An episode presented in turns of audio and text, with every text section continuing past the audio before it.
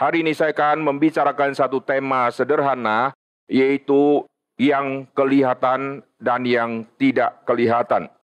Saya akan ajak kita melihat di dalam kolose pasal yang pertama. Kolose pasal yang pertama, ayat yang ke-15 dan ayat yang ke-16. Ia adalah gambar Allah yang tidak kelihatan yang sulung lebih utama dari segala yang diciptakan. Karena di dalam dialah telah diciptakan segala sesuatu yang ada di sorga dan yang ada di bumi, yang kelihatan dan yang tidak kelihatan. Baik singgasana maupun kerajaan, baik pemerintah maupun penguasa, segala sesuatu diciptakan oleh dia dan untuk dia. Di sini muncul tema yang kelihatan dan yang tidak kelihatan. Di dalam hidup kita, kita ada di dalam dunia yang kelihatan. Dunia yang kelihatan di dalam Alkitab dibagi di dalam tiga wilayah. Wilayah yang pertama adalah wilayah langit, wilayah dunia ciptaan, yang kedua adalah wilayah darat, Wilayah ciptaan Tuhan yang ketiga adalah dunia air. Inilah pembagian wilayah yang kelihatan. Dunia langit, dunia darat, dan dunia air. Ini muncul di kejadian pasal 1 ayat ke-28. Tuhan perintahkan manusia untuk menguasai yang ada di langit, yang ada di darat, dan yang ada di bawah air itu. Tidak ada wilayah yang lain lagi. Ini namanya dunia kelihatan, yaitu dunia ciptaan. Di dalam dunia ciptaan, ada yang kita bisa lihat, dan terlalu banyak yang kita tidak bisa lihat. Karena mata manusia sangat terbatas, dunia yang terlihat ini, dunia langit, dunia darat, dan dunia air, yang kita bisa lihat hanya sedikit item saja. Terlalu banyak yang kita belum bisa lihat. Kita ke pasar, kita melihat begitu banyak ikan-ikan yang dijual di pasar ikan. Tetapi di laut lebih banyak lagi jenis ikan yang belum pernah ditangkap dan ditaruh di pasar ikan. Kita melihat kebun binatang, begitu banyak binatang. Ini yang terlihat oleh kita di kebun binatang. Yang tidak ada di kebun binatang, jauh lebih banyak. Dan banyak binatang yang kita tidak mungkin bisa lihat lagi karena sudah punah. Saat binatang yang pertama sudah punah, binatang kedua sudah punah, semua ini sudah tidak mungkin bisa terlihat karena sudah tidak ada.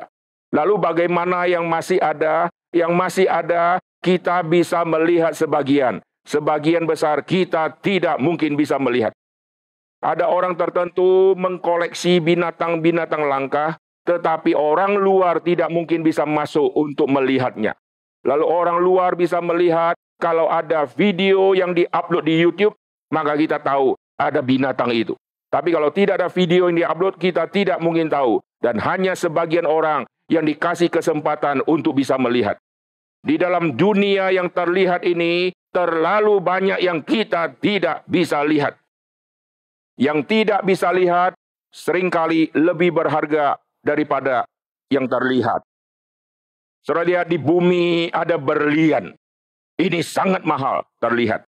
Tapi yang tidak terlihat, oksigen. Jauh lebih mahal daripada berlian. Saudara kalau sedang sakit perlu tabung oksigen. Tidak ada yang siapkan oksigen lagi karena semua oksigen sudah habis dipesan oleh orang. Saudara datang ke rumah-rumah penduduk bawa sekumpulan besar berlian-berlian diam karung, serah minta ada nggak yang punya tabung oksigen dengan berlian yang begitu mahal. Orang berkata, kami sendiri lagi perlu oksigen. Kau pakai berlian tidak bisa membeli satu tabung oksigen karena semua kesulitan oksigen.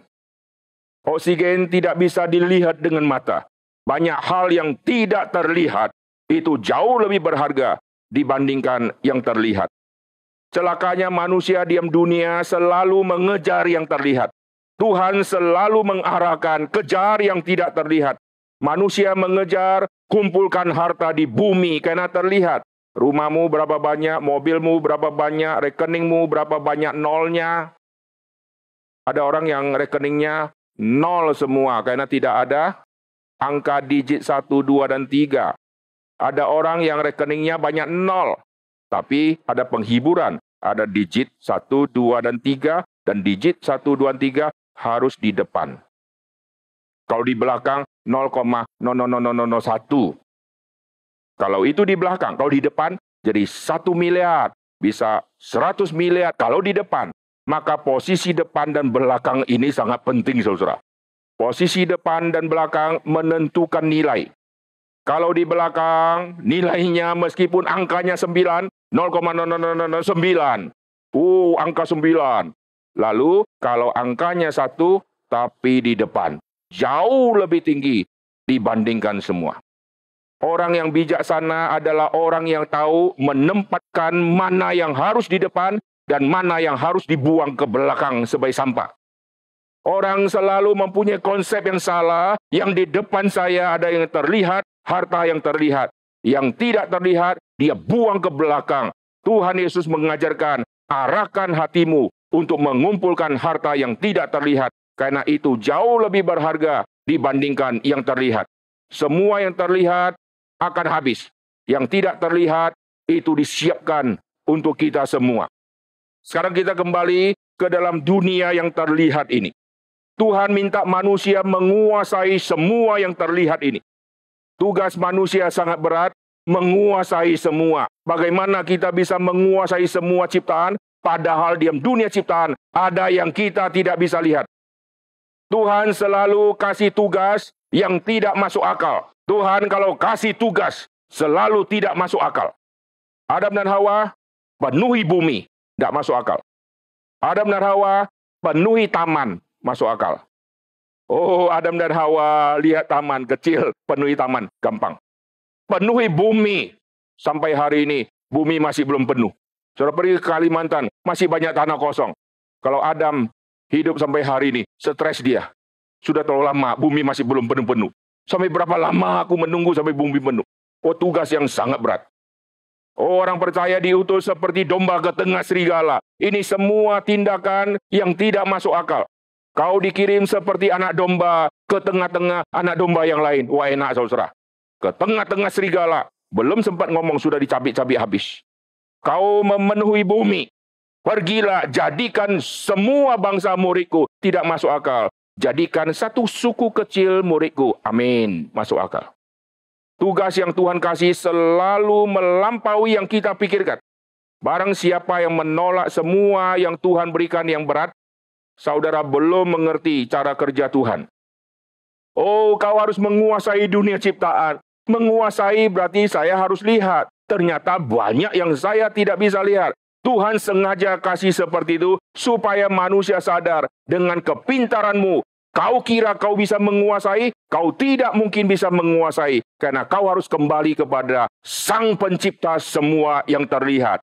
Di dalam kitab Kolose dikatakan segala sesuatu diciptakan oleh Dia, Kristus yang harus menjadi porosnya. Jikalau kita menguasai dunia ciptaan tanpa ada penguasa dunia ciptaan, tanpa ada Kristus yang menguasai semua itu, maka kita pasti gagal. Kita hanya menguasai satu barang, lalu kita berkata, aku sudah mandat budaya. Aku sudah menemukan barang A, barang B. Ini bukan yang Tuhan tuntut. Yang Tuhan tuntut adalah kau harus menguasai semua, lalu kaitkan dengan Tuhan pencipta. Mengapa ada benda ini di bumi? Mengapa ada binatang ini di bumi? Mengapa saya ada di bumi? Bukan saya sudah menguasai dia, saya sudah mengerti dia. Dia ada karena nenek moyangnya dari spesies-spesies ini. Tetapi Tuhan maunya kita menyelami. Kau bisa ada karena ada Tuhan yang mencipta engkau. Lalu di dalam dunia yang terlihat ini, manusia dituntut untuk apa? untuk menyelami dunia yang tidak terlihat. Jikalau aku melihat langit buatan tanganmu, siapakah aku ini ya Tuhan? Lihat dari yang terlihat, dari dunia sementara, sekarang menerobos kepada dunia yang tidak terlihat. Lalu sadar aku begitu kecil di hadapan Tuhan. Di dalam dunia sementara, saudara kejar apa yang tidak terlihat. Yesus suruh kejarlah harta di surga. Di dalam dunia yang tidak bisa lihat banyak hal, saudara kejar apa yang tidak terlihat. Iman tidak terlihat dengan mata. Iman hanya bisa terlihat jikalau dinyatakan di dalam perbuatan. Perbuatan sama iman. Iman ada di dalam, tidak terlihat, perbuatan ada di luar. Jadi yang tidak terlihat sekarang menjadi terlihat. Barang siapa ada diam Kristus, kamu adalah surat Kristus. Mana suratnya? Ini daging semua. Setiap orang bisa membacanya. Yang tidak terlihat sekarang bisa dibaca keluar. Oh, kita seperti aroma Kristus. Kita memancarkan aroma Kristus. Aroma kalau masih di botol tidak menyatakan diri dia aroma apa. Aroma terapi atau aroma hipnotis. Yang setelah cium langsung pingsan. Saking baunya, saudara ya.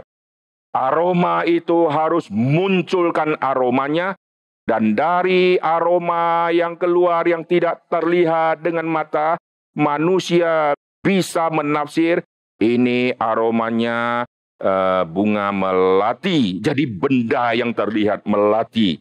Ini aromanya seperti esens apa gitu kan? Lalu dia sebutkan satu benda menjadi yang terlihat.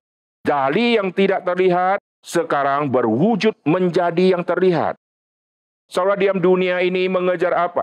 Mengejar yang terlihat, terlihat, terlihat, terlihat. Tapi saudara mengejar yang tidak terlihat, selalu tidak ada inisiatif sama sekali. Ini kita hidup dalam dunia yang sia-sia.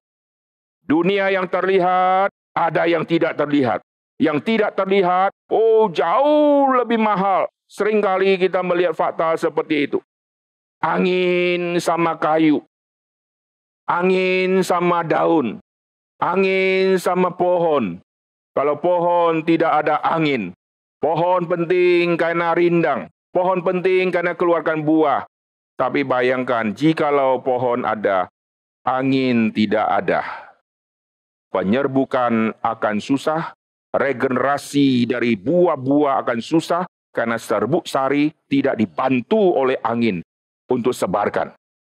Oh, nelayan-nelayan melaut menjadi susah karena tidak memakai bantuan angin untuk dia melaut. Dia harus dayung setengah mati. Tapi dengan ada angin, dia ikuti arah angin, dengan dia santai saja, perahu akan jalannya cepat luar biasa. Waktu angin sudah berbalik, lalu nelayan membalikkan perahunya karena sudah selesai tangkap ikan, maka dia akan dayung dengan cepat mengikuti angin.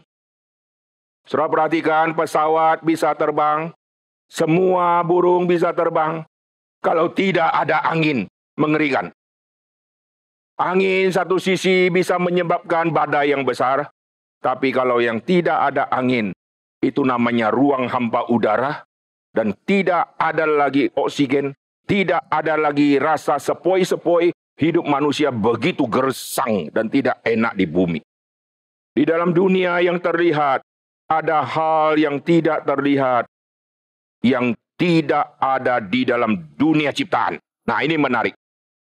Di dalam dunia ciptaan, ada ciptaan yang tidak terlihat, yaitu yang masih banyak di bawah air, yang ada di langit, di bima sakti tidak terlihat, tetapi ada yang di dalam dunia ciptaan, ada yang tidak terlihat, tetapi tidak masuk di dalam dunia ciptaan itulah Allah yang ada di tengah-tengah umatnya. Orang yang bijaksana, dia menemukan Allah di dalam dunia ciptaan. Tapi bagaimana manusia bisa menemukan Allah? Allah tidak bisa dilihat. Maka Allah yang tidak bisa dilihat, Allah menyatakan dirinya menjadi bisa dilihat melalui Kristus Yesus. Oh, jikalau Yesus tidak turun ke dalam dunia ini, Manusia tahu Allah, Allah itu jauh tidak terlihat. Yang tidak terlihat itu seperti apa? Sekarang yang tidak terlihat menjadi manusia, lalu menyatakan diri dan memperkenalkan diri, barulah ada sukacita manusia di dalam dunia, karena manusia kontak sama pencipta yang tidak bisa dilihat, sekarang datang ke bumi bisa dilihat. Maka orang yang ada di dalam Kristus, dia mengalami hal yang sangat berbahagia. Di dalam dunia ciptaan ada yang terlihat dan ada yang tidak terlihat, tetapi dia bisa mendapatkan satu rahasia dan yang paling berharga, yaitu yang tidak terlihat yang ada di dalam dunia ciptaan. Orang sekarang kalau suruh percaya Yesus, Yesus sudah naik ke sorga, sudah tidak terlihat. Tetapi kalau dia Tuhan kasih iman untuk melihat bahwa Kristus itu betul-betul pernah datang dalam dunia. Ini sukacita besar, saudara. Kita bersyukur diam keluarga Armahumah. Tuhan memberikan karunia yang luar biasa. Saya memperhatikan dua orang di dalam keluarga Armahumah ini, yaitu Bapak Mingkang dan Bapak Mingwen. Ini dua orang yang begitu kompak.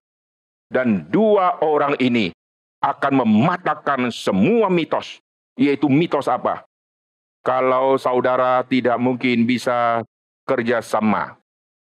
Kalau saudara tidak mungkin bisa akrab. Pasti cong. Kalau saudara, kalau yang satu hobinya ini, sukanya ini, yang satu pasti antinya. Tapi mereka berdua punya satu kesamaan, yaitu suka penginjilan. Dan mereka kadang-kadang penginjilan bisa bersama. Dan ini sesuai dengan prinsip Alkitab. Tuhan memakai yang saudara. Tuhan memakai Musa. Tuhan pakai Harun, saudara. Oh, kalau saudara laki-laki sama laki-laki tidak bisa kerja sama. Tuhan juga pakai yang Miriam. Lalu, oh, maka karena saudara maka ribut mereka. Itu ribut bisa terjadi kepada siapa saja. Tapi Tuhan membuktikan Tuhan memakai yang saudara. Lalu sampai kepada perjanjian baru, rasul-rasul dipilih, Yesus memilih yang saudara. Siapa yang saudara? Petrus, Andreas, Yakobus, Yohanes. Ya, ini semua relasi saudara-saudara. Yohanes Pembaptis sama Yesus. Ada hubungan saudara dan saling kerjasama yang luar biasa. Oh, Yohanes Pembaptis tidak mau membaptis Yesus. Yesus bilang, kita harus melakukan hal ini. Kau harus lakukan ya. Demikianlah kita menggenapkan seluruh kebenaran. Atau seluruh kehendak Allah di dalam terjemahan LAI. Bahasa aslinya, seluruh kebenaran. Demikianlah kita, saudara. Dan mereka adalah bukti yang nyata. Dua kakak adik yang melayani Tuhan secara bersama-sama. Bagi saya, mereka ini adalah penginjil awam yang Tuhan karuniakan di dalam gereja. Nah, sekarang kita akan kembali ke sini. Yang tidak terlihat, yaitu Allah, sekarang menjadi terlihat dan memperkenalkan diri. Barulah kita bisa ketemu sama Tuhan. Kalau Tuhan tidak menyatakan diri, Tuhan tidak datang ke bumi, kita mau cari Tuhan, cari di mana? Dia tidak terlihat. Maka diam kekristenan bukan kau yang cari aku, aku yang cari engkau. Bukan kau yang menemukan aku, aku yang menemukan kamu, karena kamu yang terhilang. Kita tidak boleh berkata, di manakah engkau Tuhan? Tuhan yang berkata, di manakah engkau Adam? Karena kita yang terhilang. Maka Tuhan tanya kita, kalau kita tanya Tuhan, di manakah engkau Tuhan? Berarti Tuhan terhilang. Tuhan tidak pernah terhilang. Maka orang berbahagia menemukan yang tidak terlihat di dalam dunia ciptaan dan yang tidak terlihat itu tidak ada yang dicipta di dalam dirinya. Dia adalah Allah pencipta. Maka puji Tuhan kita mempunyai iman yang berbeda dengan semua agama mana pun. Yaitu iman kita kepada yang tidak terlihat, yang transenden, dan imanen. Yang jauh tetapi Immanuel. Puji Tuhan. Allah yang tidak bisa kita pegang. Sekarang yang saya saksikan dengan mata. Yang saya bisa raba dengan tangan. Itu diam kitab satu Yohanes. Dialah yang kami beritakan. Allah yang tidak terlihat. Yang kami sekarang saksikan. Yohanes menyaksikan, aku sudah melihat Yesus. Aku bisa pegang dia. Aku melihat dengan fisik mataku. Itulah yang kami saksikan yaitu Allah yang tidak terlihat, sekarang terlihat di dalam diri Tuhan Yesus. Dan dia memperkenalkan siapakah Kristus, yang adalah Allah itu. Oh ini tugas kita sebagai orang percaya memperkenalkan yang pernah terlihat yaitu Yesus yang pernah lahir dalam dunia dan yang sekarang sudah tidak terlihat karena sudah kembali ke sorga. Tugas kita memperkenalkan yang dulu pernah terlihat, yang dulu pernah muncul di Golgota, yang dulu pernah muncul di Bethlehem, di Nazaret. Ini semua sudah pernah terjadi. Tugas kita mengulangi semua yang pernah terlihat itu lalu membawa manusia untuk melihat dalam dunia sana, karena di situlah dia sekarang berada. Tetapi dia yang ada di situ, dia tidak meninggalkan kita. Dan dia berkata, aku menyertai kamu senantiasa sampai kepada akhir zaman. Wah ini paradoks yang luar biasa. Sudah di sana tapi masih menyertai. Kalau menyertai ya ke sini dong. Masa menyertai tapi jauh? Kita kalau telepon anak di Amerika, halo anak, papa menyertaimu. Hah? Anak bilang, mama, papa di mana nih? Di kampung. Papa tahu nggak saya di mana? Saya di Amerika, pak. Papa tahu nggak jarak Indonesia sama Amerika berapa jauh, pak? Bapak, papa menyertai aku. Papa menyertai aku mesti di samping dong, pak. Namanya bersama aku, toh. Menyertai aku kok jauh, begitu telepon ditutup, saya lakukan apa? Papa sudah tidak tahu. Kalau saya tidak lapor, Papa nggak tahu. Oh, ini paradoks. Yang ada di sana, tapi juga menyertai. Ini namanya keindahan di dalam dunia ciptaan ini. Waktu kita sudah menemukan yang tidak terlihat, sekarang terlihat di dalam Kristus Yesus. Barang siapa yang ada di dalam Kristus, kita ada di dalam wilayah yang sangat indah. Sukacita yang luar biasa dan Armahuma sudah menikmati semua ini. Dan Tuhan kasih umur yang begitu panjang sampai umur 93 tahun.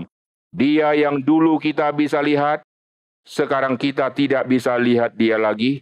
Karena dia nanti akan kembali ke debu tanah, tetapi dia yang ada di tempat yang tidak terlihat, dia sudah kembali kepada Tuhan. Dia yang dulu terlihat karena pernah ada di bumi, Lalu setelah mati, tidak bisa kita lihat lagi, akan kembali ke debu tanah. Sekarang dia yang ada di tempat yang jauh sana, yaitu kembali kepada Tuhan, tidak terlihat, kelak akan kita lihat. Senang tidak? Jadi sebetulnya kita dulu lihat secara fisik ada. Lalu waktu mati menjadi tidak ada. Waktu dia mati menjadi tidak ada karena fisiknya tidak ada. Tetapi dia ada ada di dalam dunia yang tidak terlihat dan kelak akan kita bertemu dia. Berarti perpisahan ini cuma sementara saja, Saudara. Dan kelak kita akan bertemu selama-lamanya, Saudara. Wah, ini sukacita yang luar biasa. Tetapi jikalau Tuhan menyatakan kau tidak pernah bisa melihat dia lagi selama-lamanya. Wah, itu namanya duka cita selama-lamanya. Tapi di dalam Kristus, kita bisa bertemu lagi selama-lamanya. Amin. Perpisahan ini perpisahan sementara. Secara fisik kita tidak bisa lihat lagi dan dia ada di dunia yang tidak terlihat. Dan dia jauh lebih sukacita dibandingkan saat dia ada di dunia terlihat. Di bumi, dia mungkin senang melihat semua pelayanan luar biasa, tapi sukacita di bumi tidak mungkin mengalahkan sukacita di sana di dunia tidak terlihat. Barang siapa yang bijak, dia kejar dunia yang tidak terlihat. Kelak kita akan masuk di dalam dunia yang tidak terlihat dan kita akan melihat segala sesuatu clear. Puji Tuhan. Di dunia ini clear, tetapi banyak yang tidak terlihat. Di sana semua clear. Tidak ada satu titik yang tersembunyi yang kita tidak bisa memandang. Tuhan akan membukakan semuanya kepada kita. Rahasia semua dibuka di dalam dunia sana. Senang tidak?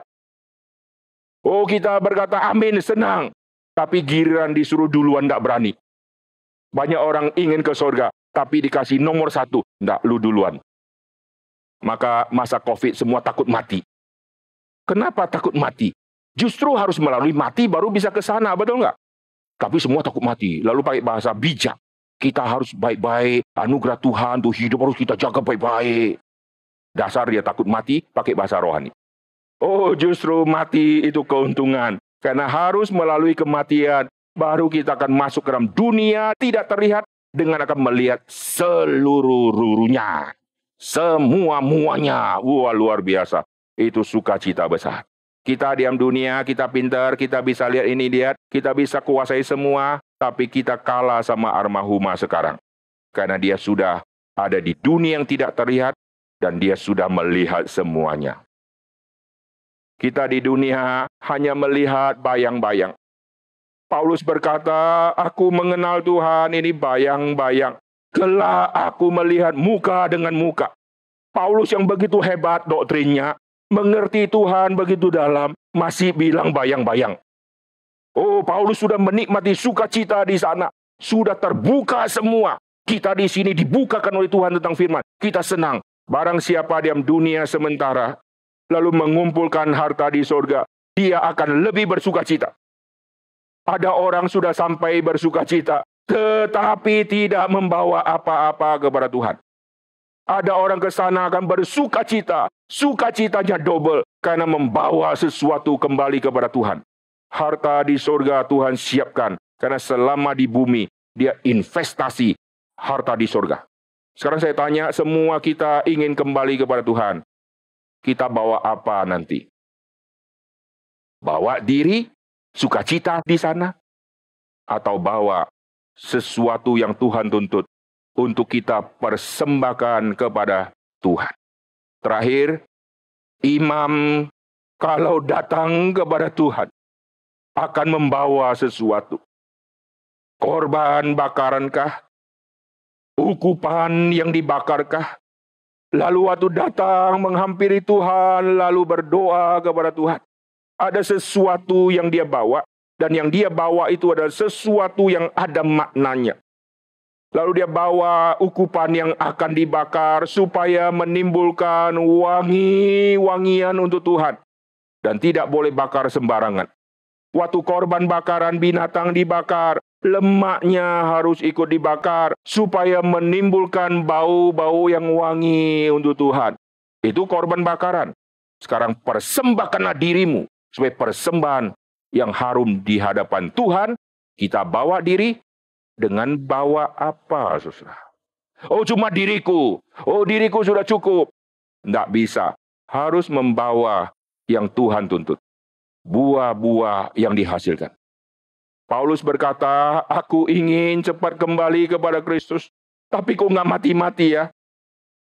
Aku sekarang ada di bumi, hatiku yang paling dalam aku ingin ke sana cepat-cepat. Tetapi kenapa sekarang masih ada di bumi? Langsung dia kasih kesimpulan saya ada di bumi. Berarti ada kesempatan saya harus terus menghasilkan buah. Oh, dia terus menghasilkan buah karena dia ingin ke sana, tapi sekarang kenapa masih di sini? Berarti harus keluarkan buah dulu, dapatkan buah dulu. Kita kenapa tidak mati-mati? Bukan karena saya rajin cakpo, oh lari pagi, fitness, banyak orang fitness malah mati. Saya rajin olahraga, banyak olahraga malah mati, jantung kumat. Oh, saya kenapa masih hidup? Jawabannya cuma satu. Tuhan kasih kesempatan hidup untuk menghasilkan buah. Amin. Saudara ingin cepat kembali kepada Tuhan, tapi belum mati-mati. Bukan karena saya prokes, maka saya lolos dari COVID. Tuhan kasih hidup, karena ada tuntutan Tuhan yang belum kita selesaikan. Cepat hasilkan buah. Jangan sampai setelah tiba waktunya kita ketemu Tuhan tidak bawa apa-apa. Sukacita yang kita alami tidak akan sesukacita kita pergi membawa apa-apa kepada Tuhan. Dan sukacita itu akan kita nikmati dengan kalimat Tuhan yang menyambut. Masuklah hambaku yang setia. Oh kalimat itu langsung menutupi semua keluh kesah kita di bumi, semua jeri lelah kita pernah ditolak. Dengar kalimat masuklah hambaku yang setia. Oh, di bumi diomel-omelin orang, dihina-hina orang, diusir, injili orang, dimaki-maki, diludai. Semua jeri lelah langsung hilang semua. Kita dengar kalimat itu, puasnya luar biasa. Lalu kalau di sana kita review kembali, kalau bisa review ya, kita ingat di bumi berapa susah, berapa susah, berapa susah. Kita tidak tahu nanti di sana seperti apa. Dan saat itulah kita akan bersuka cita besar dari satu kalimat yang keluar dari mulut Tuhan. Semua duka cita kita di bumi, keringat air mata kita di bumi, semuanya langsung dihapus dengan kalimat yang sangat menteduhkan hati kita. Bayangkan kalau Tuhan berkata, keluarlah engkau. Waduh, cilaka saudara ya. Tidak boleh masuk. Tempatmu bukan di sini. Wah, bukan berarti kita sudah masuk, lalu salah masuk. Tidak, saudara. Saya hanya pakai bahasa kontekstual supaya kita mengerti bagaimana nanti terjadi di sana. Kalau kita sudah sampai ke sana, Tuhan bilang, hei tempatmu bukan sini, tempatmu di sana. Waduh, malunya itu luar biasa.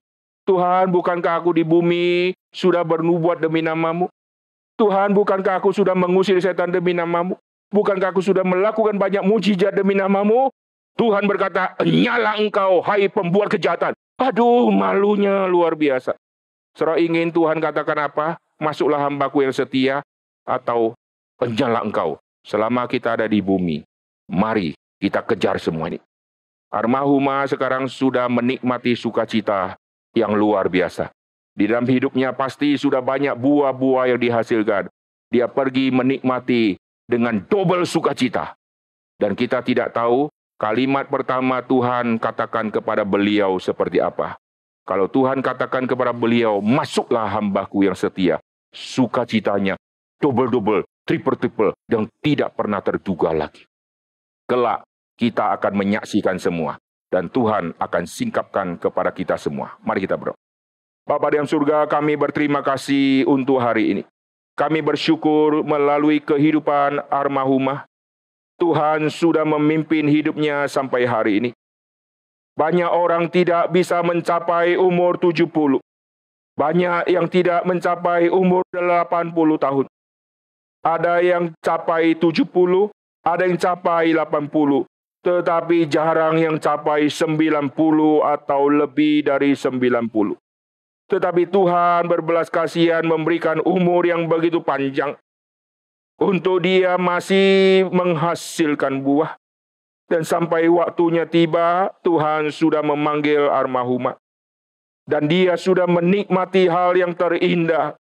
Di bumi dia percaya kepada Kristus yang dulu pernah terlihat di bumi dan sekarang dia sudah melihat secara langsung Allah yang pernah menyelamatkan dia. Kami bersyukur untuk semua yang Tuhan sudah nyatakan di dalam iman kekristenan melalui Alkitab. Dan hambamu berdoa untuk setiap kami yang masih ada di bumi. Kami tidak tahu umur kami sampai 50K, 60K, 70K, 80K. Selama hari masih siang, kami harus menghasilkan buah. Karena akan tiba malam, tidak ada kesempatan lagi. Tuhan ingatkan kami untuk kami melayani Tuhan lebih giat lagi. Dan tidak lagi bermalas-malas. Karena hari Tuhan akan tiba. Kami semua akan dijemput pulang ketemu sama Tuhan. Terima kasih Tuhan, hiburkanlah keluarga yang ditinggalkan dan kuatkanlah setiap kami. Dalam nama Tuhan Yesus kami berdoa. Amin.